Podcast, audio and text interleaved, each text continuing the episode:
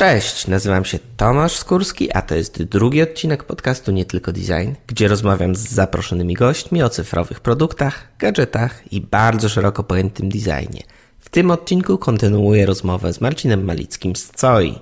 Porozmawiamy m.in. o wewnętrznej i zewnętrznej promocji, o zarządzaniu ludźmi, którzy zajmują się designem, o hejcie i emocjach, które towarzyszą wielkim zmianom w popularnych serwisach internetowych.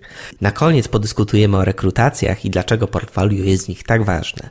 Zapis rozmowy i wszystkie podane w trakcie rozmowy linki znajdują się na stronie nie tylko.designu kośnik 002. Miłego słuchania. Cześć Marcinie. Hello, w studiu w Warszawie na Wiśniowej. Witam Cię w drugiej części naszej rozmowy. E, naszą rozmowę zakończyliśmy na e, foncie Lato. Teraz chciałbym bardziej porozmawiać e, odnośnie tego, w jaki sposób pracujecie w COI. Mm. Cały czas jesteśmy dość młodą organizacją, więc nie ma jakichś bardzo ukształtowanych elementów, ale jakby te największe zadania, które robimy, to są takie zadania, że to bardziej jakby zadanie nas znajduje niż my zadanie. Mhm. Znaczy, ponieważ jesteśmy państwową firmą podlegającą MSW, i zarządzamy, czy, czy no, zajmujemy się obszarem rejestrów państwowych i w tym obszarze mm, mm, te największe zadania, jakie realizujemy, to są zadania, które są nam po prostu powierzane, tak? Mhm. Czyli MSW wie, że chce to zrobić i wie, że chce nam to zlecić. I oczywiście no, są negocjacje dotyczące szczegółów tego, tego zadania, kosztów, kosztów i tak dalej zakresu funkcjonalnego albo trybu robienia mhm. tego, ale jakby nie, nie jest specjalnie jakąś kwestią dyskusyjną to, tego, czy że mamy to robić albo nie. Mhm. I y, takim zadaniem była, była budowa systemu rejestrów państwowych, integracja PESEL-a, dowodów osobistych, aktów stanu cywilnego. I to jest zadanie skończone. Mm, w tej chwili prowadzimy jakieś rozmowy na temat takich prac rozwojowych i tu na przykład, jeśli chodzi o taką sferę projektancką UX-ową, refleksja, jaką mieliśmy niedawno, to jest taka, żeby spróbować, żeby próbować naszemu zlecającemu, naszemu głównemu klientowi proponować taki model też powiedzmy biznesowy, który od razu zakłada także okres optymalizacji po uruchomieniu mhm. pewnych zmian. Takie utrzymanie de facto. Tak, ale utrzymanie w takim sensie, takim IT-owym, takim klasycznym to świadczymy, tak? Mhm. Natomiast na przykład w sferze właśnie też takiej UX-owej, projektanckiej, to na przykład widzimy pewien taki problem, czy pewien błąd, który popełniliśmy, że zakończyliśmy projekt, uruchomiliśmy system i jest naturalne, że w okresie bezpośrednio po uruchomieniu płynie bardzo dużo różnych wniosków i tak dalej, można sobie różne rzeczy wyciągnąć.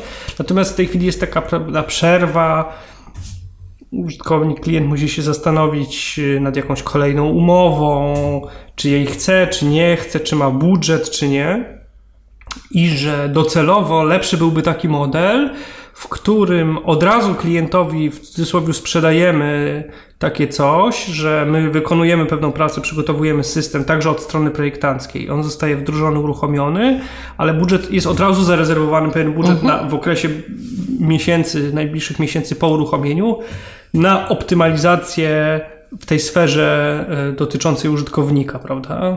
E, bo my mamy ileś, ileś rzeczy od razu wyszło, że na przykład e, na, na, etapie bezpośrednio poprzedzającym wdrożenie chcieliśmy pewne rzeczy poprawić, ale już właściwie nie było na to czasu i, mhm. byłoby to ryzykowne. No co to jest typowym problemem. Typowa, prawda, rzecz, a część rzeczy w tych pierwszych dwóch, trzech miesiącach od razu się ujawniła, prawda? I gdybyśmy mieli to od razu tak ustawione, to, y, to, to nie byłoby tej przerwy i to, to byłaby korzyść dla, dla użytkowników tego systemu. Mm, więc jak teraz pracujemy w ogóle w całej organizacji nad ustandaryzowaniem w ogóle procesu projektowego, to mocno wewnętrznie lobbujemy, czy pracujemy nad tym, żeby w tym procesie od razu ten etap uwzględniać, prawda? E, mhm. Bo, bo właśnie jeśli tego nie ma, to, to robi się taka dziura, zanim klient sobie zastanowi się, czy, czy ma budżet, czy chce. W ogóle w, e, w administracji publicznej są takie dwa najbardziej newralgiczne momenty, jeśli chodzi o zadanie.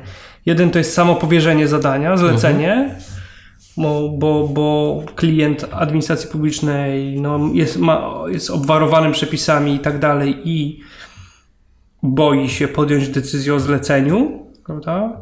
E, I drugi taki najbardziej newralgiczny moment to jest moment odbioru. To jest ten moment, kiedy klient administracji publicznej boi się podpisać pod odbiorem. Bo prawda? protokoły odbioru. Bo protokoły, bo potem bo kontrola, SIV, odpowiedzialność. Nie daj, nie daj Boże, tak SIWZy. Tak. Mhm.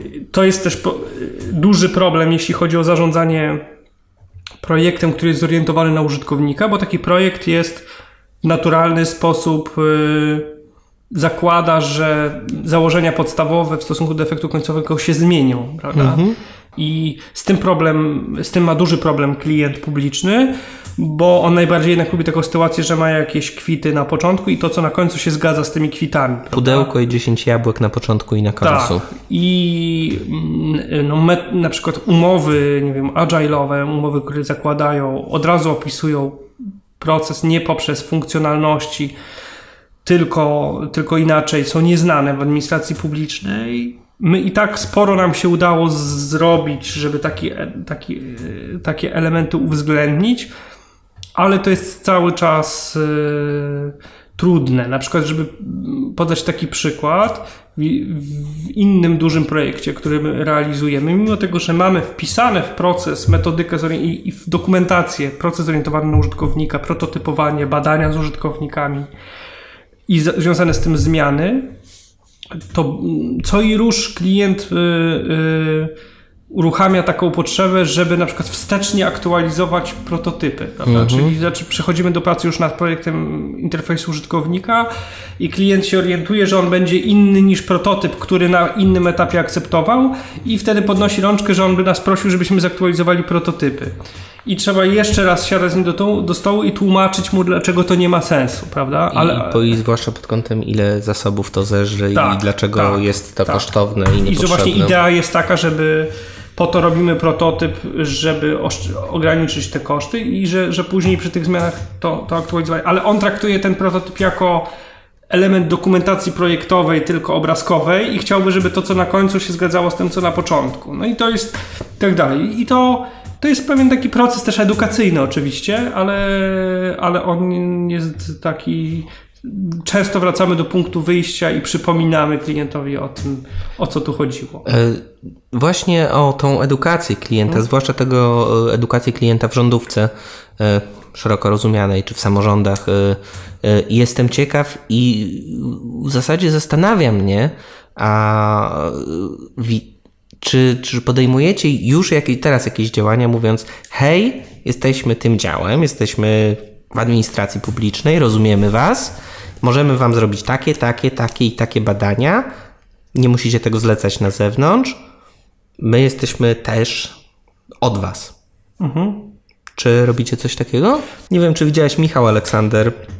Yy, ostatnio mm, wrzucił i na Facebooka i wysyłał takie książeczki pokazujące jak co, mogą, co oni mogą zrobić dla organizacji, jak pracują, jakie agile'owe metody wykorzystują, a y, czy, nie wiem, są też różne techniki, na przykład wysyłania bądź w jakichś korporacyjnych newsletterach informacji o tym, że hej, możemy Wam pomóc tym, tym i tym. I zastanawiam się, czy Wy nawet na poziomie MSWiA czy yy, kancelarii premiera tego typu ruchy wykonujecie?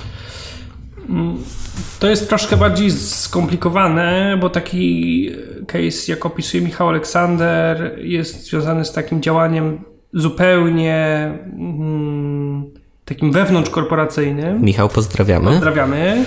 E, którym nie ma w praktyce procesu zlecenia e, temu użytkownikowi wewnętrznemu. Jest decyzja mhm. o tym, czy mu powierzyć zadanie, czy nie. Oni na pewno się jakoś tam wewnętrznie rozliczają, ale no nie ma tyle formalności wokół tego związanych. Natomiast u nas, czy to jest MSW, które nam z jednej strony może pewne rzeczy zlecać, nie wiem, bez przetargu, mhm. a to nie znaczy, że ten proces jest niesformalizowany. On jest bardzo sformalizowany i pod pewnymi względami z tego powodu, że MSW nam zleca coś bez przetargu, to oni jeszcze bardziej go obwarowują pewnymi rzeczami, bo jeszcze bardziej boją się pewnego zarzutu, że jakiejś niekonkurencyjności, czy niezadbania o interesy tak państwa i tak dalej, i tak dalej. Natomiast inni klienci to jest y, tak, że nam się nie mieliśmy jeszcze okazji zupełnie zewnętrznemu klientowi sprzedać projekt, jakby za, procesu UX-owego mhm. w sposób bezpośredni. Jeden z tych naszych produktów, system obiegu dokumentów w tej chwili tworzymy w sposób w procesie zorientowanym na użytkownika z badaniami, prototypowaniem iteracyjnie i tak dalej. Ale no tutaj jakby no klienci później już tylko konsumują efekt tego, prawda? Natomiast samego badania im nie sprzedajemy. Natomiast w w projekcie, który realizujemy tak no bardziej międzyrządowo, ale zlecającym jest MSW, to jest właśnie projekt obywatel.gov.pl, to jest tak, że to jest pozytywne, że y, partnerzy nasi ze strony kancelarii premiera kupili sam proces, prawda? Oni, yy, oni nie do końca jeszcze sobie zdają sprawę, że z tym są też związane koszty. To jest tak, że my sprzedajemy produkt, który nie do końca się monetyzuje, albo w ogóle się nie monetyzuje. W związku z tym uzasadnienie dla, te, dla prowadzenia takiego procesu jest troszkę inny niż w komercji, prawda? No w komercji przekonujemy, że z procesem e, takim UX-owym, z procesem, który zakłada badanie, prototypowanie, nacisk na dobry design i tak dalej, to w takim procesie y, to, to przekonujemy klientów, że im się to zwróci, prawda? Że to jest przewaga biznesowa. W sektorze publicznym mm, mówimy troszkę inaczej. Mówimy, no musimy wykorzystywać troszkę albo inne mierniki, albo pokazywać im na, na innych przykładach, że warto to robić, ale no mieliśmy taki sympatyczny ostatnio moment uruchamialiśmy właśnie w rozszerzonej formule portal obywatel.gov.pl, który uruchamiała czy, czy ogłaszała osobiście pani premier Ewa Kopacz w, y, tydzień temu w piątek i ona jako jeden z argumentów tego, że to jest dobry portal i że treść na nim jest dobra dla obywateli, podawała to, że te treści były badane z użytkownikami. Tak? I ona mówiła o tym, że to nie jest tak, że tylko nam się wydaje, że to jest teraz bardziej użyteczne, bardziej intuicyjne tylko dla tych obywateli. Tylko, tylko, wreszcie mamy na to dowody. Tak, tylko my to sprawdziliśmy. Ona oczywiście tak naprawdę, no sama wiadomo, że nie wie za bardzo na czym to polega, bo taki, tylko jej takiej powiedzieli. No wiadomo, że, że nie wchodzi w takie szczegóły, ale ona sama gdzieś musiała, jeśli to mówiła, to czuła, że to jest y, sprzedażowe, że tak powiem, tak? Znaczy w tej formie sprzedaży, jaką polityka coś sprzedaje, tak? Czyli bo, bo, to jest przekonujące. Bądź osoba, która pisała jej to przemówienie, tak, tak, uznała, tak czy inaczej, no jest to polityczne i tak jak mówisz, sprzedażową, fajną formułą, tak. E, która, która działa. To, to, to, to zresztą ciekawe, że mówisz o tym w ten sposób, że bardziej badania e, sprzedają w administracji publicznej niż nawet elastyczność, tudzież e, chęć oszczędzenia pieniędzy, a, no ale to jest pozytywne.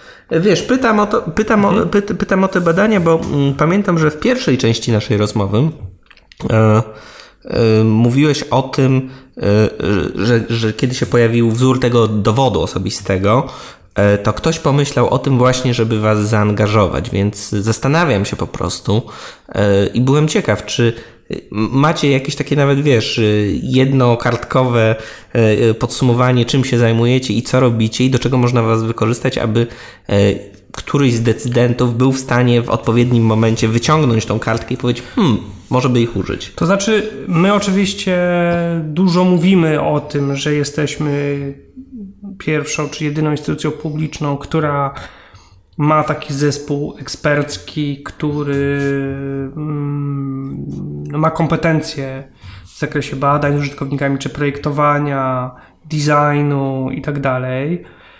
Też jest tak, że urzędnicy pewnego szczebla sami no, są też konsumentami i mają świadomość pewnych rzeczy i mają pewne takie poczucie że te mm, rozwiązania cyfrowe administracji publicznej bardzo często no, odbiegają standardem od tego, co, co, jest, co proponuje sektor komercyjny i nie wiedzą, ale też nie wiedzą, jak się to, za to zabrać. Część z nich miało jakieś doświadczenie pracy z agencjami i, i wiemy też, no, że różne agencje, e, które taki proces uwzględniają, mają w swoim portfolio realizację dla sektora publicznego. Mm, ale to oczywiście ta świadomość nie jest jakoś tam wysoka.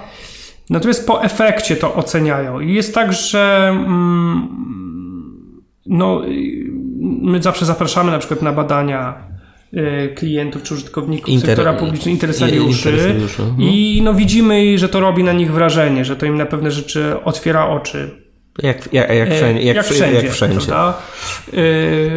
I czasami oczywiście, no to jest zawsze taka sytuacja z, z pewnym takim brakiem doświadczenia, że znowu widzimy, że oni pewne rzeczy traktują, wyniki badań zbyt łatwo albo zbyt prosto. Jak podam taki przykład, że mm, pracując na serwisem obywatel.pl jakby pewnym wyzwaniem, zadaniem projektowym było to, że mamy dużą jakąś ilość różnych y, usług państwowych i ponieważ nie sprzedajemy ich w podziale na jakieś ministerstwa, bo tego ludzie nie rozumieją, no proponujemy jakiś podział na jakieś tematy typu dzieci, szkoła, to, to, to, ślub i tak dalej. O ile dobrze pamiętam, na zagranicznych serwisach to się klasyfikuje jako live eventy. Ja to tłumaczyłem na polski jako zdarzenia życiowe. Być może to tak. nie jest najlepsze tłumaczenie. Tak, tak, ale, ale jest, no, ten podział ostatecznie tak okazuje się, że jest trochę arbitralny. No i mm, ponieważ nie chcieliśmy się opierać tylko na własnej jakiejś ocenie i niektóre rzeczy przynależą, wydaje się, tematycznie do kilku kategorii naraz. Robiliśmy klasyczne badania kart sortingowe, y, w których prosiliśmy respondentów w kilku turach o to, żeby klasyfikowali, y, przy, przyporządkowywali te, te usługi do różnych kategorii i coś nam z tego wyszło. I prezentowaliśmy y, interesariuszom e, dosyć wysokiego szczebla, bo na, na szczeblu wiceminist, kilku wiceministrów z kilku resortów wyniki tego badania.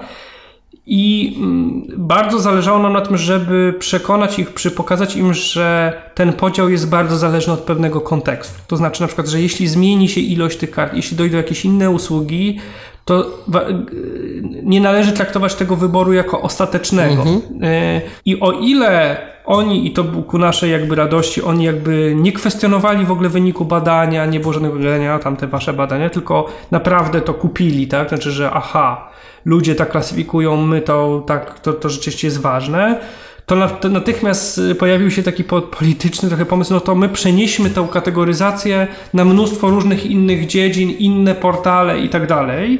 I, I właściwie nie wiem do końca, co się z tym stanie, ale właściwie czuliśmy, że zupełnie nasze jakieś y, oponowanie i powiedzenie, że to naprawdę nie jest jedyny słuszny podział, on, że on jest zawsze, trzeba go jakby spatrzeć na niego w danym kontekście no to nie znajdowało posłuchu, bo oni raczej dążyli do tego, żeby mieć jakieś gotowe rozwiązanie, które im ułatwi życie i pozwoli wszystkim narzucić jej, powiedzieć to jest przebadane, my mamy na to papierek, prawda? I taki. Mm, I jeszcze tylko tak dodam na koniec, że to, co nam się udało zrobić póki co, to po prostu w pewne dokumenty o charakterze bardziej wysokopoziomowym, tam strategii IT w MSW, coś tam udało się nam po prostu wpisać pewne założenia i to pozwala nam powoływać się na to, czy jest to uzasadnieniem też dla urzędników, dlaczego my pewne rzeczy na przykład w projekcie wykorzystujemy, dlaczego też w budżecie należy to uwzględnić. Tak, ja chciałem w kontekście tych badań e, spuentować to tak, że e, wszyscy interesariusze mają taką tendencję, przynajmniej z tego co widzę, żeby bardzo, bardzo łatwo przekładać wnioski z badań na łatwe do zastosowania recepty, jednak odrzucając ten pierwiastek kontekstu, naukowości, niewielkiej grupy i bardzo często, nie wiem jak jest u Ciebie. Ale... No zawsze jest trudno wytłumaczyć, dlaczego robimy badania jakościowe. Yy... Nazywane bardzo często fokus grupami, tak? Tak, ale no mieliśmy taki przypadek, który nawet zakończył się jednym wypadkiem samochodowym, że bardzo zależało tutaj wysokiemu decydentowi, żeby w badaniach jakościowych, tam w urzędach, które prowadziliśmy, żeby były absolutnie potraktowane różne, uwzględnione różne typy urzędów w gminach wiejskich, miejskich, wiejsko-miejskich. I myśmy no, w związku z tymi namowami się zgodzili na to, przychyliliśmy się do tego i jeździliśmy po Polsce po tych urzędach, mimo tego, że właśnie no, absolutnie sprawdziła się tam zasada, że y, jednak większość tych problemów ujawnia się y, na małej grupie i rzeczywiście tak było. I jeździliśmy po Polsce, właśnie nawet, nawet y, badacz i projektant, którzy jeździli w jednej z tych podróży mieli nawet wypadek i tam mieli potem jakieś zdrowotne problemy w służbie tutaj w wygodzie użytkownika, a od połowy tych badań już mieli poczucie, że wszystkie wnioski się powtarzają. Prawda? Ale to wynikało z, przede wszystkim z braku zaufania decydenta do, te, do, do tego, że, że badania jakościowe to były poprawnie jakby zdefiniowany problem i zdefiniowana metoda w tym wypadku na, na, na, na odpowiednio małej grupie rzeczywiście będzie wystarczająca. Mhm. A, super. W ogóle to prowadzi mnie do kolejnego pytania. A yy, ile przeprowadzacie badań? Jak często i jak intensywnie badacie użytkowników. Wydaje mi się, że z kontekstu wypowiedzi bardziej zgaduję, e, że staracie się te badania wpleść w każdy proces e, badawczy, proces projektowania usługi czy poprawiania jej. No, natomiast no właśnie, jak to wygląda? Wiem, że rozbudowujecie też swój dział badawczy z jednej strony, z plotek, które tam też z rynku słyszałem, wiem, że macie jakieś szkolenia związane z co-designem, z, z projektowaniem partycypacyjnym. Opowiedz proszę mhm. coś więcej. Pochwal się. Yy, od początku budowy zespołu projektanckiego, zespołu User Experience, zależało nam na tym, żeby była w nim silna działka badawcza. Yy, I ona była od początku silna, nawet silniejsza. Mieliśmy różne okresy. Był taki, taki okres ze dwa lata temu, dobrych kilku miesięcy, kiedyś mieliśmy taki zastrój badawczy i pamiętam, że badaczki były troszkę sfrustrowane ale ten okres jest dawno za nami i w tej chwili badamy naprawdę dużo. I rzeczywiście, mm, no my nie jesteśmy agencją, więc rzadko sprzedajemy tak po prostu badania jako, jako oddzielone, ale staramy się rzeczywiście, żeby każdy proces, który, który realizujemy projektowy, uwzględniał te badania. To nie jest takie łatwe, nie tylko ze względu na klienta, ale również często dostają, wpadają w lekką panikę, że co to znaczy, że się tutaj coś zmieni ale, no, ale no mamy też przełożenie na poziomie powiedzmy zarządu tak, na, na, na to, że to jest ważne. I robimy różne badania i one są fajne, bo robimy takie badania, mamy takich użytkowników zwykłych, takich obywateli, ale mamy różnych takich, y, ponieważ projektujemy dużo rozwiązań dla, dla różnych grup w administracji, to mamy takich różnych śmiesznych użytkowników z bardzo określonych grup.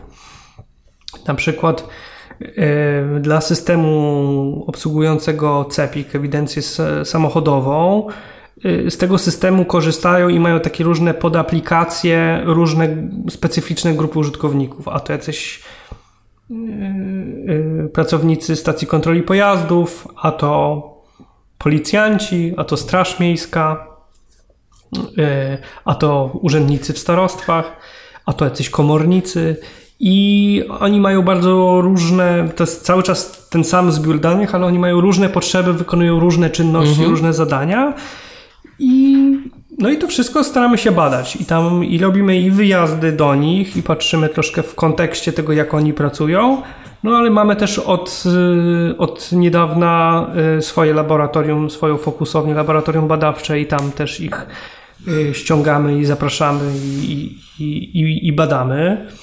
Są różne mm, śmieszne momenty, bo jak nie mieliśmy jeszcze laboratorium i robiliśmy jakieś badania właśnie z udziałem Straży Miejskiej, a przyglądał się tym, temu badaniu jako, jako klient y, tam jakaś grupa użytkowników, y, znaczy urzędników z Ministerstwa Spraw Wewnętrznych, niektórzy nie wytrzymywali napięcia i zaczynali y, coś dopowiadać tym badanym nie mogąc wytrzymać, jak on tego nie wie, przecież to jest proste. Czyli, czyli najbardziej typowe tak naprawdę zachowanie, zachowanie tak. interesariuszy, którzy raptem są stykani z tą smutną rzeczywistością, że wszystko jest tak, jak im się wydaje. Tak, ale no były naprawdę momentami gorszące sceny, że tam ten urzędnik biegł przez ramię, zaczynał temu respondentowi coś pokazywać na ekranie, że przecież spójrz, że to jest tutaj.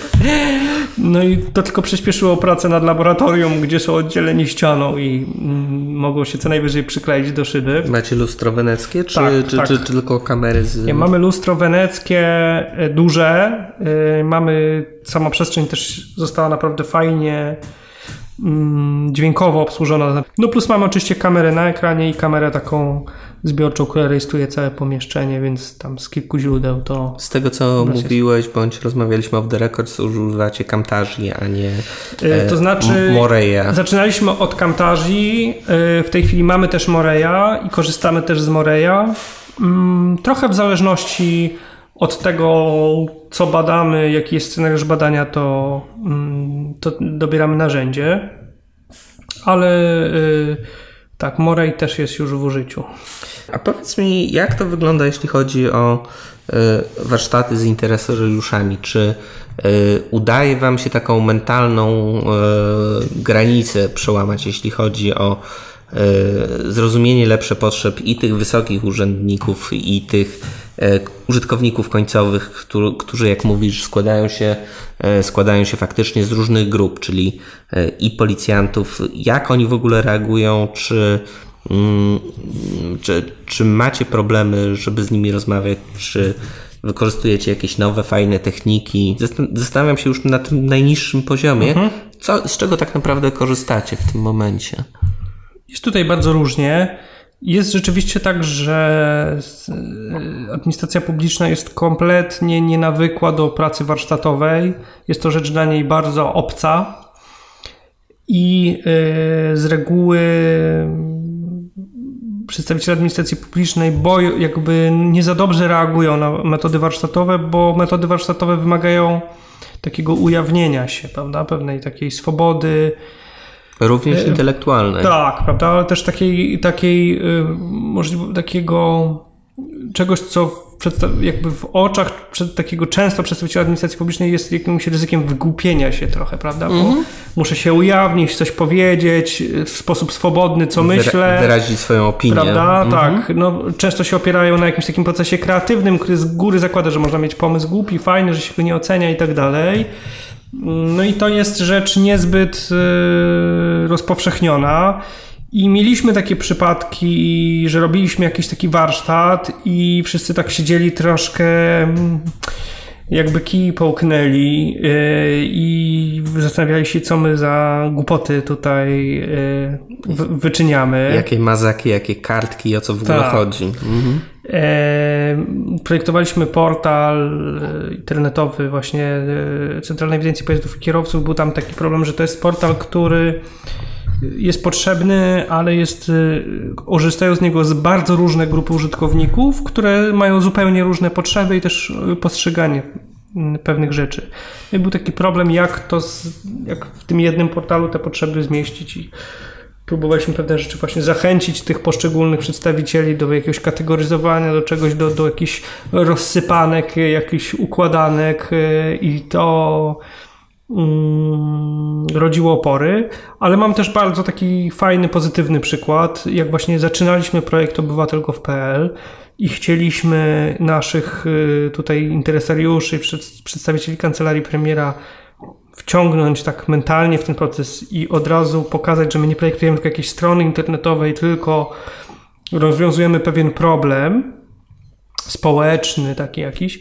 E, I e, zrobiliśmy, na przykład zastosowaliśmy Value Proposition Canvas e, i też jakąś robiliśmy jakieś mapy emocji, jakieś takie rzeczy i to było bardzo fajne obserwować. Robiłem sobie też zdjęcia, bo to było rzeczywiście wesoło obserwować takich ludzi, no, którzy na co dzień zajmują się jakimiś poważnymi tematami, a którzy naprawdę bardzo fajnie się w to zaangażowali, śmiali, dyskutowali. E, I bardzo fajnie te warsztaty wyszły. I właśnie wyszły nie w, tak, nie, nie w tym to było jakoś super udane, że e, oni coś strasznie nowego powiedzieli, Natomiast mm, otworzyli się, przełamały się lody i w ogóle, w ogóle ja tak postrzegam na przykład tą metodę Value Proposition Canvas przede wszystkim jako otwierającą, jako uświadamiającą klienta. Nie pamiętam, żeby mi Value Proposition Canvas zrodziło jakiś super nowy pomysł, ale bardziej właśnie jeśli chodzi o zaangażowanie, to bardzo fajnie to, to zadziałało. Ostatnio robiliśmy na przykład też podsumowanie w sposób warsztatowy, podsumowanie pierwszego etapu mhm. E, projektu i zrobiliśmy też to w formie warsztatowej. E, poprosiliśmy użytkowników, znaczy interesariuszy, żeby na kartkach pisali tam w różnych jakichś grupach, tam nie wiem, co się udało, czego się boję, z czego jestem dumny i oni to przyklejali w różnych miejscach, potem zaznaczali, przypisywali jakieś kropki, punkty poszczególnym tym rzeczom i tak dalej. To bardzo fajnie wyszło, bo ich to bardzo otworzyło i, i mówili bardzo szczerze, co sobie tam myślą i tak dalej. Próbowaliśmy zrekrutować grupę urzędników do badań dzienniczkowych, e, do badań nad e, takim systemem elektronicznego obiegu dokumentów. Chodziło nam o wprowadzenie rozwiązania, które pozwoli szczególnie takim kadrze, nazwijmy to menedżerskiej w urzędach, Chcieliśmy sprawdzić możliwość stworzenia aplikacji mobilnej, która im część rzeczy mhm. związanych z zarządzaniem zadaniami, obiegiem dokumentów w urzędzie zarządzać zdalnie przez telefon. I była, był bardzo duży opór z ich strony, mm, który, jak się zorientowaliśmy, właśnie wynikał z tego, że oni się bardzo bali ujawnić na przykład to, żeby się, nie wiem, ujawniło, że oni na tych telefonach, czy w pracy, czy w domu, nie wiem, przeglądają jakieś dziwne, wiem, strony. dziwne strony, czy sklepy, czy coś, tak, prawda? Że y, korzystają z tych urządzeń niekoniecznie do pracy. Na przykład, tak, czyli że ujawni swoje rzeczywiste preferencje, swoją prawdziwą taką trochę twarz, prawda? I swoje potrzeby, swój taki naturalny, taką ścieżkę. My chcieliśmy do, tak naprawdę dzięki temu uzyskać pewne informacje, które pozwolą stworzyć rozwiązanie, które będzie naturalne dla nich, a oni się tą naturalności, tej naturalności bardzo bali. To jest w ogóle duży opór. Urzędnik ma, cały czas pilnuje mm, Swojej tej, maski, takiej, tej maski, tej oficjalnej, tego urzędnika właśnie, prawda?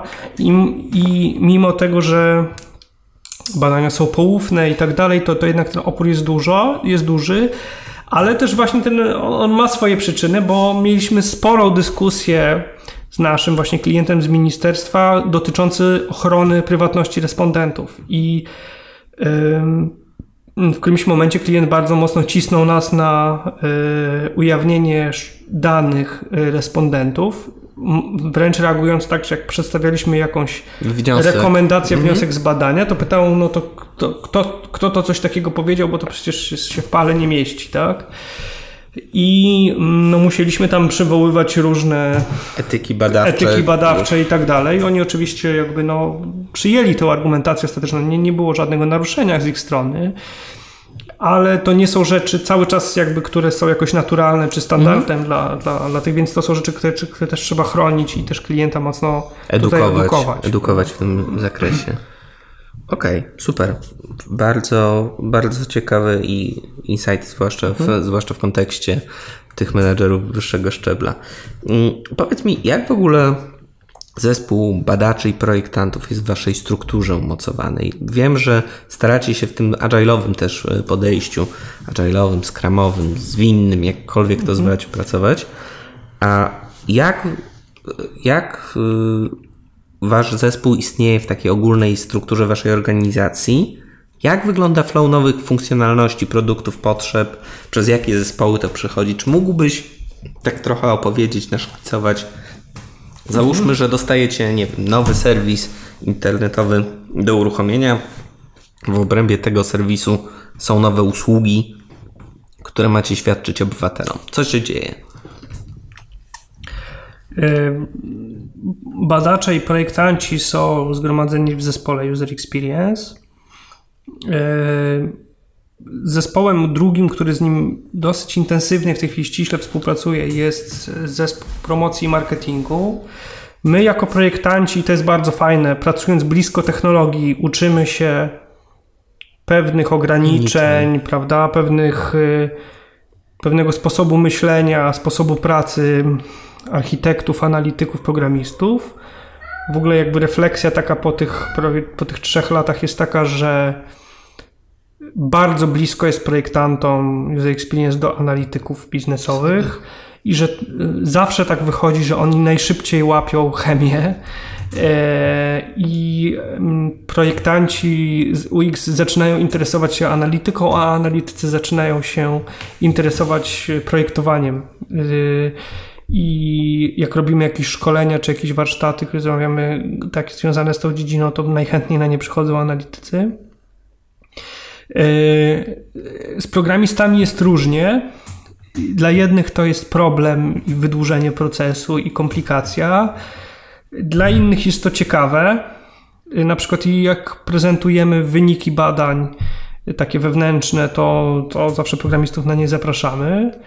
Ja mam też taki obraz, że no, ponieważ programiści w naturalny sposób dążą do upraszczania pewnych procesów, to bardzo często mają bardzo fajne pomysły i bardzo fajne podejście mm, i rozwiązania, y, które naprawdę są bardzo potem jakby przydatne dla użytkowników. Często też śledzą nowe technologie i nowe rozwiązania, które są wygodniejsze, prostsze bądź y, często przez zastosowanie nowych bibliotek czy frameworków można pewne rzeczy rozwiązać wygodniej, przyjaźniej i ja absolutnie się zgadzam z tą tezą, że mm, dział UX powinien się znajdować po, również e, blisko, e, również blisko technologii, bo dział marketingu jest de facto, tak jak mówisz, bardzo naturalnym, e, naturalnym miejscem, gdzie, mm, gdzie rozmawiają te dwa działy. Po części z uwagi na content, w dużej mierze z uwagi na to, że często udaje się wypracować flow, że Mm, wszystkie treści marketingowe, bez względu na to, co to jest, przechodzi przez dział UX, dział projektowania, który często współpracuje bardzo intensywnie z grafikami. Natomiast ta potrzeba współpracy z działem technologii i nie robienie z działu UX tej takiej y, ludzi siedzących na wieży, którzy y, jak księżniczka oczekują na księcia, y, bądź wypuszczają tylko swoje warkocze i rzucają swoimi produktami nie do końca, nie do końca się sprawdza. A mówiąc prosto, w ogóle się nie sprawdza i, i, i, i bardzo często też można pozyskać naprawdę wartościową wiedzę również od, e, od tej strony technicznej.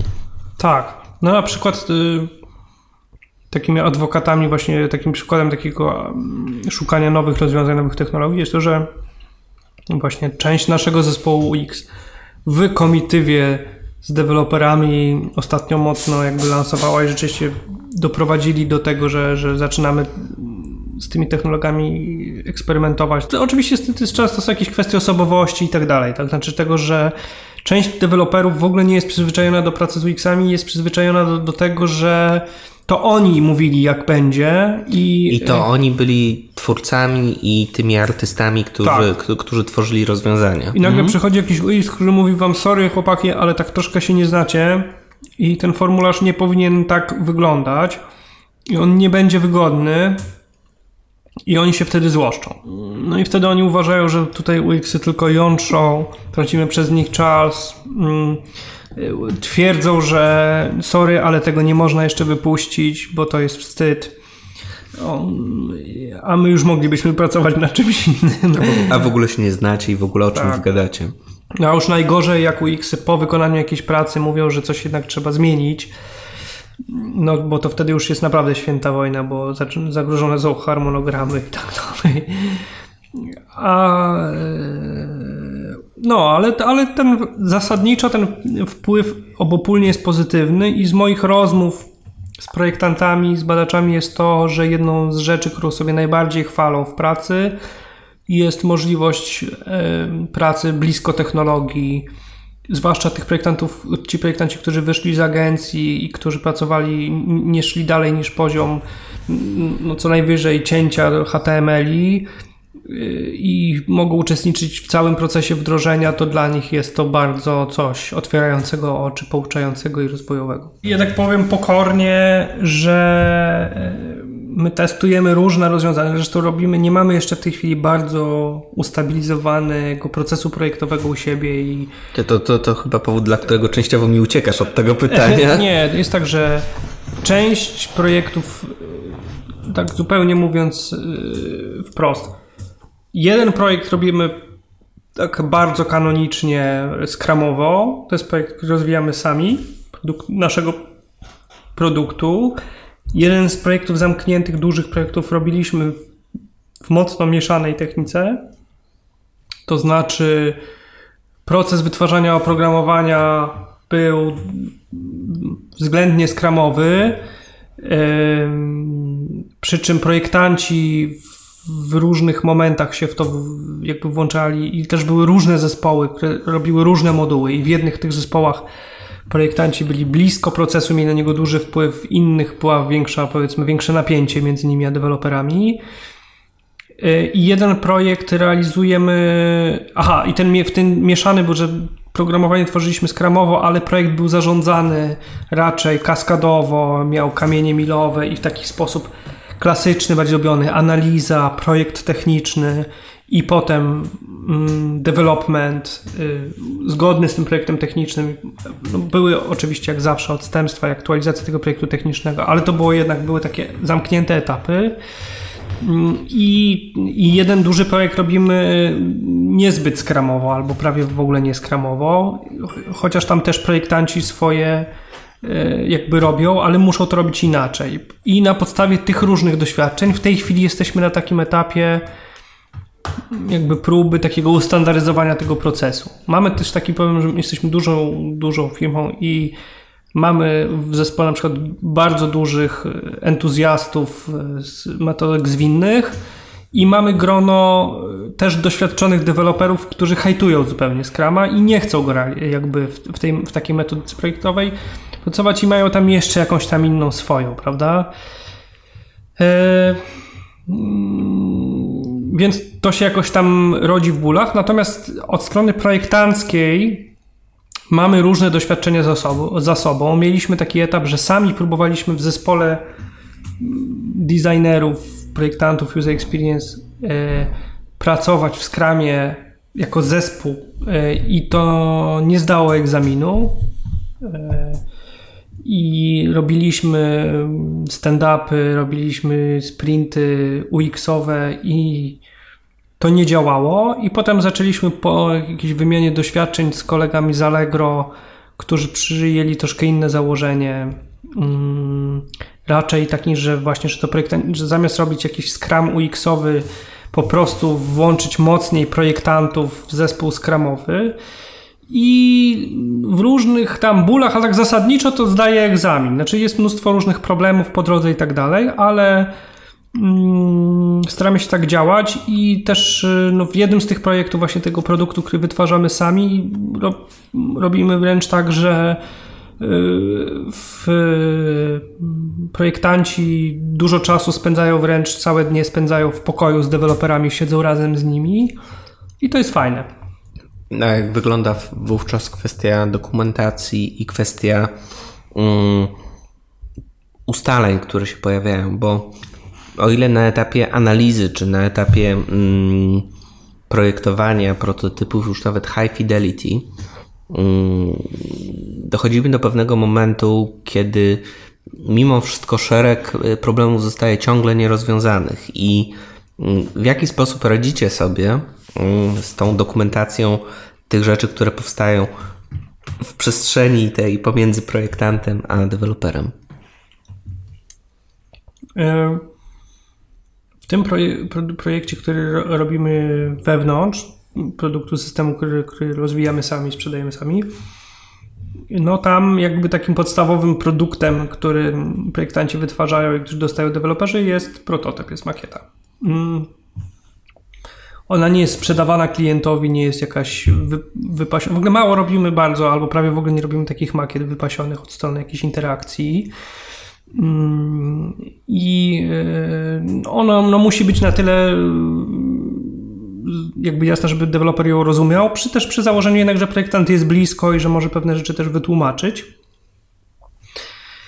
E, mamy też jedną taką sytuację, w której e, projektant jest też product ownerem. Mhm. To jest w ogóle całe wyzwanie i chętnie bym posłuchał 500 podcastów e, na temat tego relacji product owner a projektant UX i kto najlepiej się nadaje na product ownera e, jeśli już mówimy o skramie i przeważnie u nas product ownerami są analitycy biznesowi.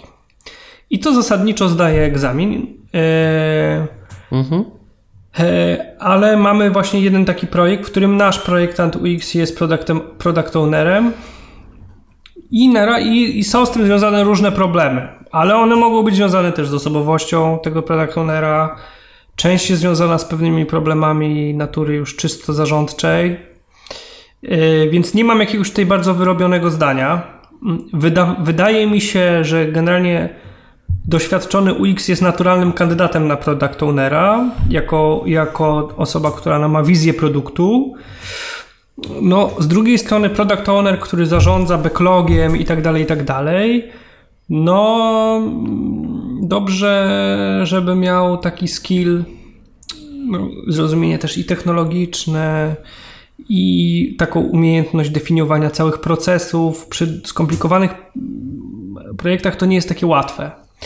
Więc ja nie mam jakiegoś wyrobionego zdania, bo mi się z analitykami, product ownerami też dobrze pracuje, czy dobrze rozmawia i z reguły mamy, znajdujemy wspólny język. Mówię o analitykach biznesowych. Prawda? Wiesz co, ja mam raczej wątpliwość, bo ogólnie rzecz biorąc hmm. się zgadzam z tym, natomiast mam wątpliwość w tym obszarze bardziej biznesowym, bo product owner mm, jest w stanie podejmować decyzje biznesowe i jest w stanie zarządzać budżetem, e, zasobami, tak, e, pewnymi działaniami y, biznesowymi, marketingowymi i tak dalej, mm, a bardzo często mm, bardzo często przynajmniej y, projektanci UX, nie, nie mówię o bardzo doświadczonych osobach, y, ale bardzo często projektanci nie do końca radzą sobie z mm, tymi obszarami związanymi również z polityką, tudzież za, typowym zarządzaniem w organizacji, zaspokajaniem potrzeb różnych interesariuszy i umiejętnością przełożenia sobie celów biznesowych na rzeczy, które się znajdują w produktach. Tak, znaczy tu znowu na pewno w grę wchodzi nasza specyfika i tego, że na, y, komercjalizacja nie jest takim kluczowym jakimś tutaj KPI-em, ale znowuż miałem jeden w tym projekcie przez pewien czas product ownerem była osoba z biznesu, właśnie zajmująca się sprzedażą produktu. I to się nam też nie sprawdziło, ale to może mogła być znowuż kwestia osobowościowa, prawda? E, więc e, no tutaj trudnością jest to, że trzeba pogodzić takie wymagania biznesowe i wizję produktu jako czegoś, jako produktu do sprzedaży z umiejętnością y, no, zarządzania backlogiem, definiowania sprintu, odbierania tego sprintu. W ogóle wydaje mi się, że to jest bardzo trudna rola product ownera y, i bardzo chętnie bym się jeszcze dużo na ten temat dowiedział i posłuchał różnych doświadczeń, bo, bo sam mam takie poczucie cały czas jakiegoś tam błądzenia, szukania rozwiązań. Wiesz co, wydaje mi się, że tutaj nie ma, e, nie ma jakichś e, idealnych, e, idealnych rozwiązań i że my wszyscy się ciągle cały czas uczymy, jak możemy te dwie role godzić, w jaki sposób to może funkcjonować, ale też sobie myślę, że mm, w długiej perspektywie czasu rola UX designera może nie ocaleć i że zresztą to jest, to, wierzę, że to jest filozofia, którą powtarzam od niepamiętnych czasów. Ja bardziej wierzę, że e, będą prędzej czy później migrować w stronę product ownerów. Zresztą ileś tam przykładów z rynku też to pokazuje, że ludzie, którzy są projektantami, w pewnym momencie zaczynają robić albo własne startupy, Robert Drust, pozdrawiamy, e, tudzież, e, tudzież przechodzą na tą bardziej biznesową stronę i zajmują się albo typowym zarządzaniem, albo zarządzaniem całą flotą produktów, a, a nie do końca zajmują się takim typowym projektowaniem makiet, tak, czy nawet prowadzeniem badań, bo jest to tylko część, część dużo szerszego i dużo ciekawszego, e, dużo ciekawszego obszaru. A z drugiej strony mm, jest wielki, kompletnie prawie że i przez E, różnego rodzaju metodyki agile'owe i e, uksowe również, zignorowany dział e, zarządzania produktem, product management, który się od późnych lat 80. bardzo, bardzo, bardzo intensywnie rozwija i mam wrażenie, że w tamtym obszarze, z tamtych technik, z tamtych obserwacji, z tamtych insightów też moglibyśmy bardzo, bardzo wiele, bardzo wiele E, e, ciekawych rzeczy się dowiedzieć. Mądrze mówisz. Tak jak e, wspominałeś przed rozpoczęciem naszej rozmowy, macie w zespole sporo i projektantów, i badaczy. A co według Ciebie oznacza być dobrym szefem, jak motywować na dłuższą e, metę zespół, zwłaszcza, że te czynniki finansowe nie zawsze dobrze działają, jak walczyć z wypaleniem i jak w ogóle zapewniać edukację. Wiem, że strasznie dużo pytań równocześnie, ale zastanawia mnie, w jaki sposób y, ty jako Marcin Malicki, y, szef zespołu UX, jesteś w stanie dbać i y, zarządzać takimi typowymi problemami, z jakimi się spotykają ludzie, którzy zarządzają zespołami UX-owymi. Mi się podoba takie stwierdzenie, które kiedyś usłyszałem, że lider jest tak silny, jak silni są jego współpracownicy. To było jakieś stwierdzenie dotyczące bardziej sfery politycznej, ale wydaje mi się, że na sferę taką menedżerską się to bardzo przekłada. I jakoś e, wierzę, że właśnie miarą dobrego lidera jest to, że ma, że ma mocnych e, współpracowników. Ja sam jestem dosyć silnym charakterem, bywam upierdliwy i ciężki dla otoczenia, ale w, w, między innymi z tego powodu szukam i potrzebuję, żeby moi bezpośredni współpracownicy byli równie ciężcy i upierdliwi, ale dokładnie mówiąc, żeby mieli silne charaktery również i chodzi o to, żeby potrafili bronić swoich racji tak. i to, co nazywasz upierdliwością, ja e, we wszystkich ogłoszeniach o pracy nazywam zamiłowaniem do szczegółów. Mhm. Znaczy, mój bezpośredni współpracownik musi umieć mi się postawić i mi, mnie zwyzywać. E, e, I wtedy, wtedy czuję się w miarę względnie bezpieczny, bo czuję, że e, mm, sam sobie nie zrobię krzywdy, tak? Czyli to, co jest moją mocną stroną, e, jakąś siłą przebicia, dążeniem do celu, wiadomo, że zawsze jest, y, ma tą, tą, tą drugą stronę medalu w postaci ta pewność siebie może spowiadać, że jeśli się błędnie ocenia sytuacji, można się rozbić o rafę. Więc jeśli mam jakiś kontrapunkt w postaci drugiej silnej osoby, która jeśli się z tym nie zgadza, to nie boi się tego powiedzieć i walczyć o to, no to ja mm, to się czuję bezpieczniej, bo, bo, bo ktoś wystrzela flarę, prawda? I to, oczywiście to nie znaczy, że ten mój współpracownik zawsze ma rację, ale jeśli jest wystarczająco silny, to, to zdoła, je, zdoła to wyrazić, a ja no, gdzieś wierzę, że jakąś zdolność do oceny mam i ja raczej nie boję się też zmieniać e, zdania, czy, czy na podstawie czyjejś oceny tego zmodyfikować. E, to bywają czasami burzliwe jakby e, rozmowy i czasami atmosfera jest gorąca. W, moj, w moim dziale krzyki są na porządku dziennym, kiedy potrafimy się kłócić o odcień niebieskiego koloru, tudzież o to, o to jak się powinna dana labelka nazywać. Tak. Więc... I, I uważam, że to jest zdrowe. Tak, tak. I właśnie cieszę się, że zarówno jeśli chodzi o szefa marketingu Pawła, czy, czy Y, obecną szefową UX-u Teresę to są osoby, które mają silne osobowości i swoje zdanie, i, i, a jednocześnie się szanujemy, jakby lubimy. Yy, więc, więc jakby to, to mi się wydaje ważne. Staram się też taką atmosferę pewnej no, dyskusji, swobody myśli, wymiany, otwartości na, na zdanie każdej osoby utrzymywać. Yy. No i to jest najważniejsze chyba. A edukacja? W sensie, bo tutaj pełna zgoda. Mhm. Natomiast zastanawiam się, w jaki sposób tak regularnie dbasz o zapładnianie projektantów, projektantek, badaczy inspiracjami, e, koncepcjami nowymi, nowymi patternami. E, u nas to częściowo działa w ten sposób, że mamy własny prywatny kanał na HipChacie, gdzie e, wrzucamy i dyskutujemy jakieś konkretne E, konkretne case'y z jednej strony, a z drugiej głupie rosyjskie techno albo flamandzki, flamandzką muzykę regionalną.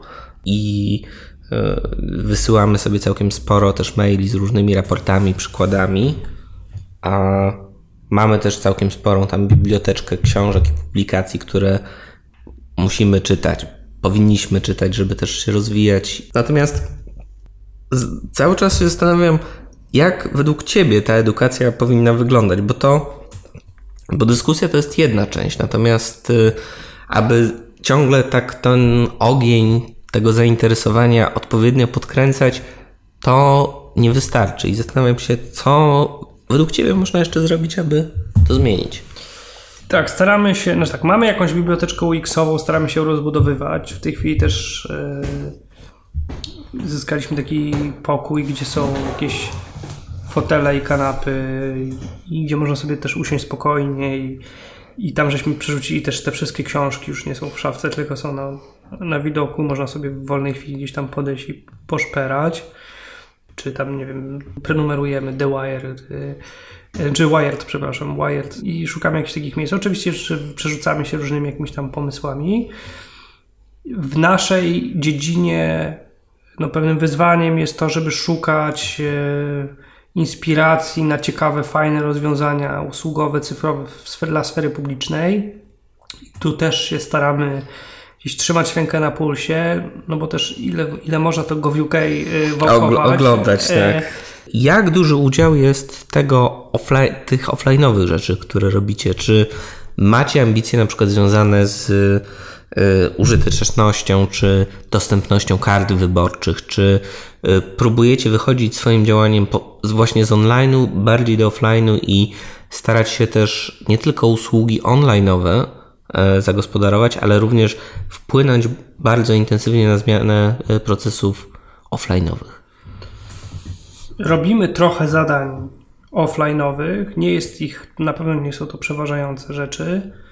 Na pewno takim zadaniem był projekt e, no, redesignu formularzy urzędowych. Taki posmak był, był przy pracy nad dowodem osobistym.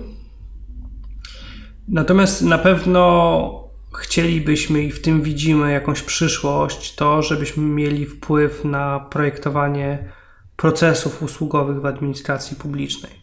E, w tej chwili bierzemy udział w takim projekcie, który o to zahacza w sferze usługowej, czyli projekt obywatel.gov.pl ma też swoją działkę związaną z uruchomieniem infolinii dla, dla obywateli, czyli kanału telefonicznego. Był taki moment, że rozważaliśmy uruchomienie kanału czatu, mhm. ale jeszcze kancelaria nie jest na to organizacyjnie gotowa, więc to w sensie czat, y, jeśli chodzi o obsługę po prostu. Mm, y, w związku z tym ten temat na razie zawisł, ale telefon sobie ruszył i, i pracujemy w jednym takim zespole projektowym, w którym są też osoby odpowiedzialne za tą infolinię i, zaczynamy pracować razem do pewnego momentu byliśmy bardziej odseparowani na to, żeśmy na, narzekali właśnie. Natomiast w przyszłość i tak właśnie widzimy ten proces w Wielkiej Brytanii czy w Stanach, zrozumienie już na, na wysokich szczeblach tego jest, że chodzi o raczej o agencje usługowe, które mm, dzięki zrozumieniu narzędzi cyfrowych, ale też kompetencjom w innych zakresach, zakresach administracji, prawnym i tak dalej, tworzą, przemodelowują pewne procesy. Bo w tej chwili pewnym problemem w państwie jest to, że informatyka czy, czy narzędzia cyfrowe służą do tego, żeby przenieść proces tradycyjny w sferę cyfrową, ale bardzo często przenoszą go w sposób jeden do jednego. E, a tutaj chodzi o radykalną zmianę, ale żeby tej zmiany dokonać, nie wystarczy ktoś, kto ma kompetencje cyfrowe, no wystarczy, właśnie wymaga to różnych spojrzeń. Mhm. E, no i my mamy gdzieś taką ideę, która się w COI nam tutaj jakby rodzi, kwitnie, taką ideę, którą nazywamy państwo usługowe.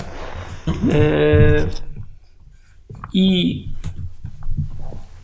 mm, właśnie mówiąc o państwie usługowym, mówimy o różnych aspektach. Na przykład, jeśli mówimy o, o uspójnieniu interfejsu państwa, to mówimy o interfejsie państwa zarówno w sferze cyfrowej, czyli jeśli chodzi o komunikację online państwa z obywatelem, ale również interfejs państwa, jeśli chodzi o identyfikację wizualną państwa, y, jeśli chodzi o standard obsługi urzędowej i tak dalej, i tak dalej.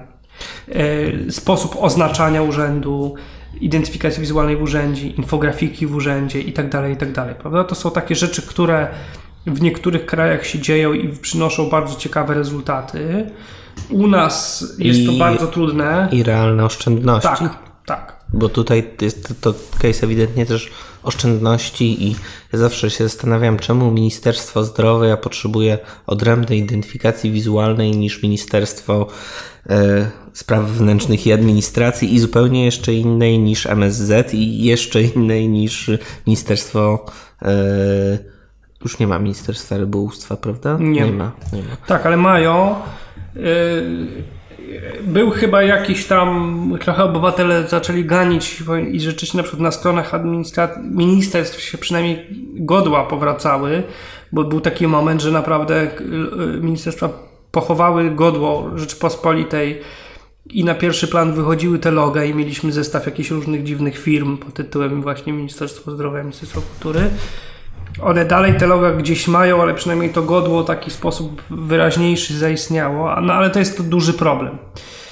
Jest to problem, jest to kwestia, która wśród wielu urzędników już jakby znajduje pewien posłuch, ale od tego do, do wprowadzenia standaryzacji jest daleka droga. To jest też oczywiście związane z systemem politycznym w Polsce, to znaczy tym, że z, z, pewną dojrzałością demokracji chyba, prawda? Tak, ale też tym, że mamy taki model, w którym ministro, ministerstwa mają bardzo dużą autonomię i działają w sposób częściowo niezależny i mm, taka na przykład kancelaria prezesa Rady Ministrów ma funkcję bardziej koordynacyjną niż narzucającą. I to bardziej jest związane z pewnym takim procesem uzgadniania pewnych rzeczy mm, niż takiego, takiego mm, prostej możliwości narzucenia pewnej. I no jak to jest przy tym uzgadnianiu? Jedni są bardziej skłonni do tych uzgodnień, drudzy mniej. Ale, ale właśnie my nie mamy takiego modelu silnego kanclerskiego, tylko znowu też yy, premier w Polsce jest też w jakiejś mierze koordynatorem. On oczywiście no, narzuca jakąś tam politykę taką ogólną i tak dalej, ale mamy ustawę o działach, która mm, daje po prostu wprost w przepisach określa dużą taką oddzielność tych poszczególnych ministerstw i potem, potem no to można by dużo o tym gadać, tak, ale mm, no to, to jest niełatwy proces I, i, na pewno to, że taka dyskusja powraca i że na, w różnych gremiach się toczy, pokazuje, że mam nadzieję, że tak jest, ale, ale widzę tego symptomy, że no, na tyle nabrzmiewa ten temat, że on w którymś momencie osiągnie, tam czas się wypełni i, i ktoś to wreszcie ruszy. Yy, oczywiście, że to są problemy nabrzmiałe politycznie, dlatego że jeśli ruszymy identyfikację wizualną państwa, to dotkniemy na przykład godła. I to nie jest tak, że w obecnym kształcie godło jest, mam jakieś rzesze fanów, ale dotykamy, jak zaczynamy tego dotykać, to potem się okazuje, tak jak mieliśmy tą dyskusję o sprężynce, prawda, że to są, w tym są związane bardzo duże emocje. I teraz przeprowadzenie takiego procesu redesignu identyfikacji państwowej, unowocześnienia jej, dotyka bardzo wrażliwej sfery i trzeba yy, yy, nie tylko za, zapro, zaproponować jakieś dobre rozwiązanie, ale przez cały ten proces przejść w taki sposób, który yy, zaangażuje. zaangażuje, a z drugiej strony ominie wiele raf, prawda? Czyli na przykład no, sprawi, że ludzie nie będą jednak tak łatwo krzyczeć, że oni by zaprojektowali lepiej albo taniej, a tak to wujek ich projektuje, prawda? I tak dalej. Bo jak wiemy, nawet kiedyś była taka okładka jednego z magazynów graficznych, chyba 2 plus 3D, która się składała w całości w poddrukach, w layoutie różnych takich haseł, które każdy grafik i obywatel rzuca jak, jak, jak widzi jakiś, e, jakiś projekt identyfikacji i każdy wie lepiej, jak to powinno wyglądać. Yy, tak, tu właśnie Tomek mi daje do ręki, to są takie hasła, kto to w ogóle projektował, Kerning leży i kwiczy, gdzie jest orzeł, gdzie jest orzeł, moje serce płacze, o matko, bez sensu, szału nie ma, nawet ja bym zrobił lepsze i tak dalej, i tak dalej. Te dyskusje rzadko są merytoryczne. Yy, rzadko się zdarza, żeby ktoś zadawał pytania o tym, jak ten proces przebiegał, jakie były wyzwania projektowe, czym się kierowano i tak dalej. I no to jest trudne, tak? To też po części jest związane z tym, że te procesy zmiany u nas w Polsce, nie tylko jeśli chodzi o sferę informatyczną, ale ogólnie rzecz biorąc, zarządzanie zmianą jest niewystarczająco dobrze, e, niewystarczająco dobrze mm, ogarnialne po stronie organizacji czy ludzi, którzy zarządzają tą zmianą, czy zarząd, podejmują decyzje biznesowe odnośnie, odnośnie zmiany, która ma nadejść. Popatrz też na case dużego banku, który z tym swoim łowickim stylem zmieniał stronę z bardzo starego ale bardzo dobrze znanego przez użytkowników e, systemu transakcyjnego na zupełnie nowy, mimo że posiadał mnóstwo nowych, bardzo dobrych opcji.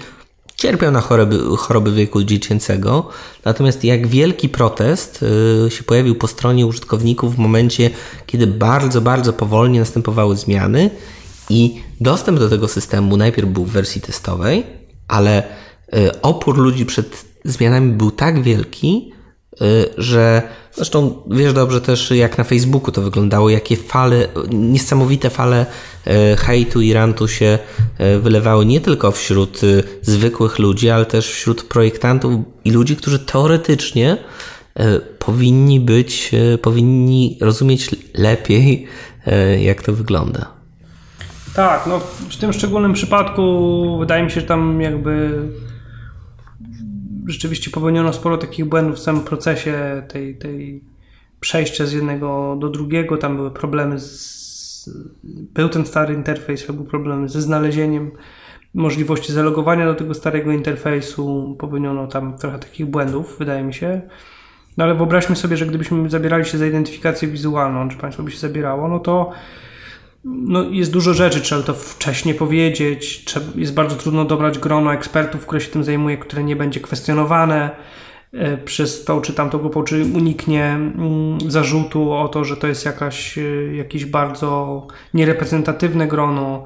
Z drugiej strony trudno jakieś reprezentatywne grono, no to jest niecodziennie się dotyka takiej materii, prawda? No w Polsce jest Heidrich, który projektował zarówno jakby mm, Orła w wersji jeszcze w PRL-u, jak i tą adaptację współczesną, tą, tą, obecną. Mówimy o, o, człowieku, który również projektował większość banknotów, e, banknotów zarówno w PRL-u, jak i w Polsce. I, i który jest no, wielkim autorytetem i na pewno wybitnym projektantem, a z drugiej strony no, należy już też do troszkę innej epoki, prawda? Więc pewnie trudno byłoby go nie zaprosić do takiego grona. Z drugiej strony, no trudno jest w pełni na nim pewnie polegać, prawda? Bo właśnie wiemy, że no, jego projekt obecnie nastręcza bardzo wiele problemów, z, wyzwań. wyzwań czy w użyciu, no, przede wszystkim w sferze cyfrowej. Hmm jeśli zaprosimy jakieś tam jedno grono, nie wiem, Stowarzyszenie Twórców Grafiki Użytkowej, no to jest, będzie bardzo dużo grafików, którzy powie, że to jest grono zupełnie niereprezentatywne na przykład, mm. prawda? I tak dalej, i, i tak dalej. Sporo jest też dyskusji, że STGU jest gronem wzajemnej adoracji. No tak? właśnie, prawda? Więc jeśli zaprosimy Instytut Wzornictwa Przemysłowego, to, to takie same gron, y, opinie usłyszymy znowuż y, y, o nich. Z trzeciej strony robić 50-osobowy zespół, który obejmie wszystkie grupy, prawda? A, a no, będzie dysfunkcyjne, prawda? Y, będziemy mieli kwestie też heraldyczne, y, a więc chodzi o uwzględnienie pewnych y, tradycji heraldycznych, ale jednak nie chodzi o to, żeby stworzyć prosty herb, prawda? Bo, bo, bo funkcja jest tutaj znacznie szersza.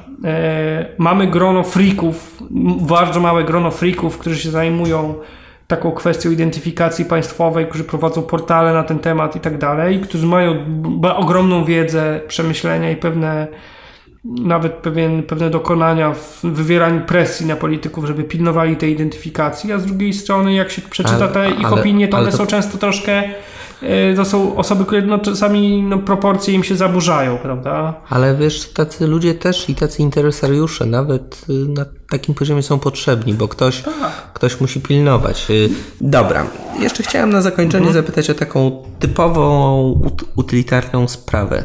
Jak u Was wygląda proces rekrutacji? Na jakie rzeczy Ty jako Ty, bądź jako osoba, która rekrutuje, y, rekrutuje ludzi, zwraca uwagę? Co jest dla Ciebie ważne? We wszystkich rekrutacjach prawie, które prowadzimy, które prowadzę w swoim dziale, staram się uwzględniać aspekt rozmowy i aspekt jakiś praktyczny, zadaniowy, mm, który weryfikuje w jakiś podstawowy choćby sposób mm, kompetencje tej osoby. I czy to jest rekrutacja do marketingu, czy to jest rekrutacja właśnie redaktora, czy copywritera, czy to jest rekrutacja grafika, to staram się, żeby na przykład nie tylko spojrzeć na portfolio, ale dać mu jakieś zadanie na miejscu do wykonania i zobaczyć, jak, się, jak on podchodzi do pewnego zadania projektowego. Czyli ogólnie rzecz biorąc też pytasz również projektanta UX o portfolio. Tak. Bez portfolio nie chcę rozmawiać z projektantem. Miałem ostatnio taką sytuację, że młoda dziewczyna na początku swojej drogi pytała o możliwość rekrutacji do nas no jak ją poprosiłem o portfolio, ona powiedziała, że go nie ma, no to ja powiedziałem, że chciałbym zobaczyć coś, co zrobili do szuflady, czy zrobiła, prawda? Czy wzięła popularną stronę internetową i zaproponowała, jak ona mogłaby wyglądać inaczej. I od razu dla mnie taki sygnał, że ta osoba takiej pracy nie wykonała, dla mnie już była dla tej osoby na tym etapie dyskwalifikująca, bo to znaczy, że to jest osoba, która chce się zatrudnić jako projektant, i która no nie ma tyle pasji w sobie, żeby posiedzieć w domu i zrobić to, co robi jakikolwiek pasjonat jakiegokolwiek kreatywnego tematu, prawda? Jeśli y, gram na gitarze i gram tylko w domu, to jednak y, byłbym w stanie zaprezentować jakiś utwór, no choćby cover, a już nie mówiąc o, o, o zaproponowaniu jakiegoś nawet y, żałosnego, ale jednak swojego utworu i tak dalej, i tak dalej. Więc portfolio jest, jest bardzo ważne. E, i jest e, z reguły na poza portfolio, jeśli chodzi o projektantów, proponujemy jakieś zadanie. Czasami to jest zadanie w domu, czasami to jest zadanie na, na miejscu, gdzie pokazujemy na przykład mu jakiś element interfejsu, czy jakiś, jakiś widok i pytamy go, jak go ocenia, co w nim dostrzega, co by w nim zmienił. I czasami w taki sposób bardzo szybki, w taki, że daje mu 5 minut do zastanowienia się. I bardziej niż to, co on zaproponuje, interesuje nas, jak on o tym opowie, w jaki sposób on myśli, na co zwróci uwagę, czy się zastanowił na początku, czy nie, jak on o tym mówi. Hmm. Mam też, nie jest w tym nic jakiegoś tam bardzo nowatorskiego, ale no mam też duże zaufanie po prostu do pewnej intuicji mhm. e, i do takiego po prostu poczucia nie tylko, czy ta osoba jest dobra tak po prostu, tylko czy wydaje mi się, że będzie chemia między tą osobą a zespołem i tak dalej, jak ona się w to wpasowuje. I to się sprawdza. Znaczy, nieraz y, nie posłuchałem się tej intuicji i dałem się zwieść jakimś innym, czasami przez samego siebie wymyślonym argumentom i to przeważnie się, albo we, we wszystkich sytuacjach się mściło na mnie. Y, ktoś niedawno bardzo przeczytałem, że ktoś coś takiego napisał i bardzo mi się to spodobało, bo się pod tym podpisuje, że mm, ta osoba napisała, że praca danej osoby nigdy nie jest lepsza niż y, rozmowa z tą osobą w procesie rekrutacyjnym. Jakoś tak wychodzi, mimo tego, że to jest stres i tak dalej. To nie zdarzyło się tej osobie, że jeśli ktoś fatalnie wypadł na rozmowie, to że potem był dobrym pracownikiem. Mogło się zdarzyć, że źle była przeprowadzona rozmowa, czy na przykład nie do tego zakresu kompetencyjnego, ale że jeśli ogólnie mieliśmy i mi się to sprawdziło. Zdarzyło mi się ze dwa, trzy razy zatrudnić kogoś, co do którego miałem jakieś e, odczucia mm, złe w czasie rozmowy i, i rzeczywiście to potem zawsze się potwierdzało.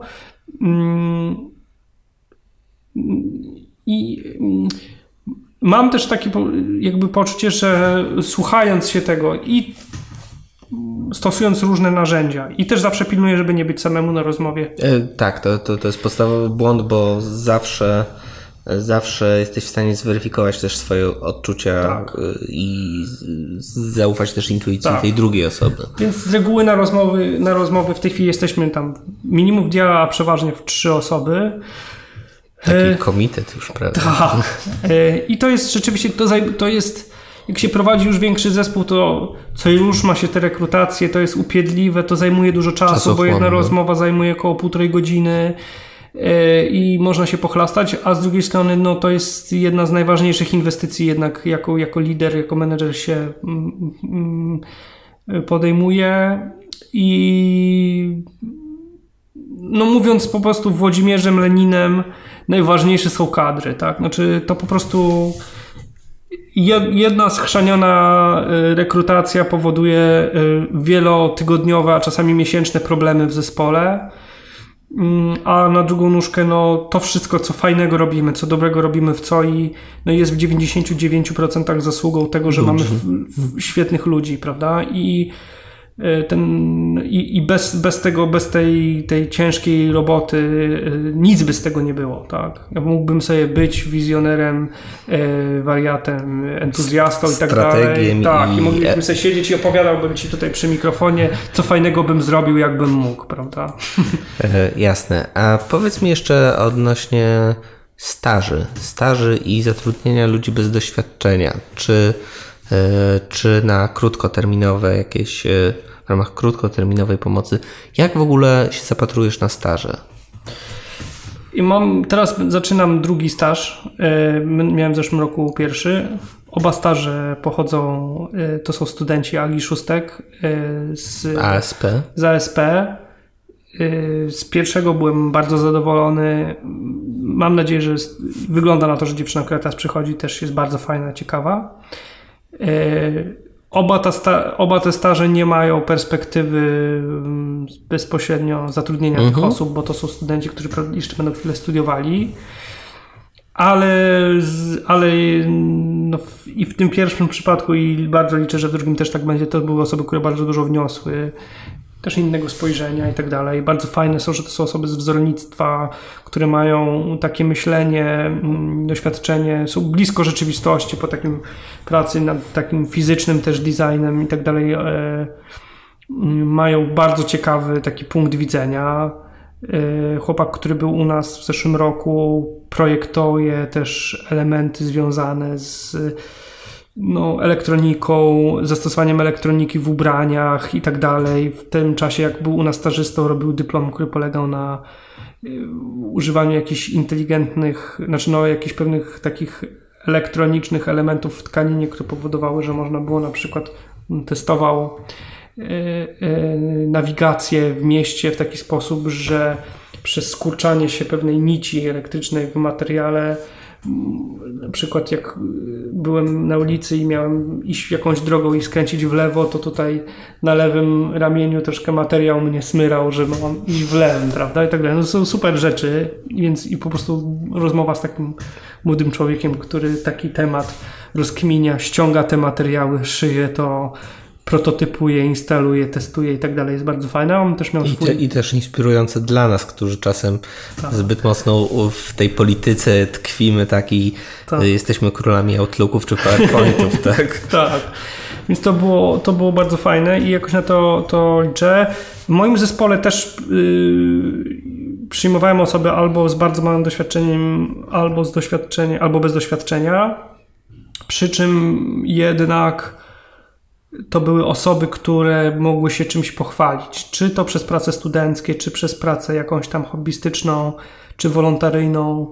Już było widać w nich pewien potencjał. Mhm. I y, czy przez jakiś właśnie staż, który ze sobą mieli. I to, I to się bardzo sprawdzało. I te osoby przeważnie bardzo szybko nabywały jakiś tam skill. Y, I to było fajne.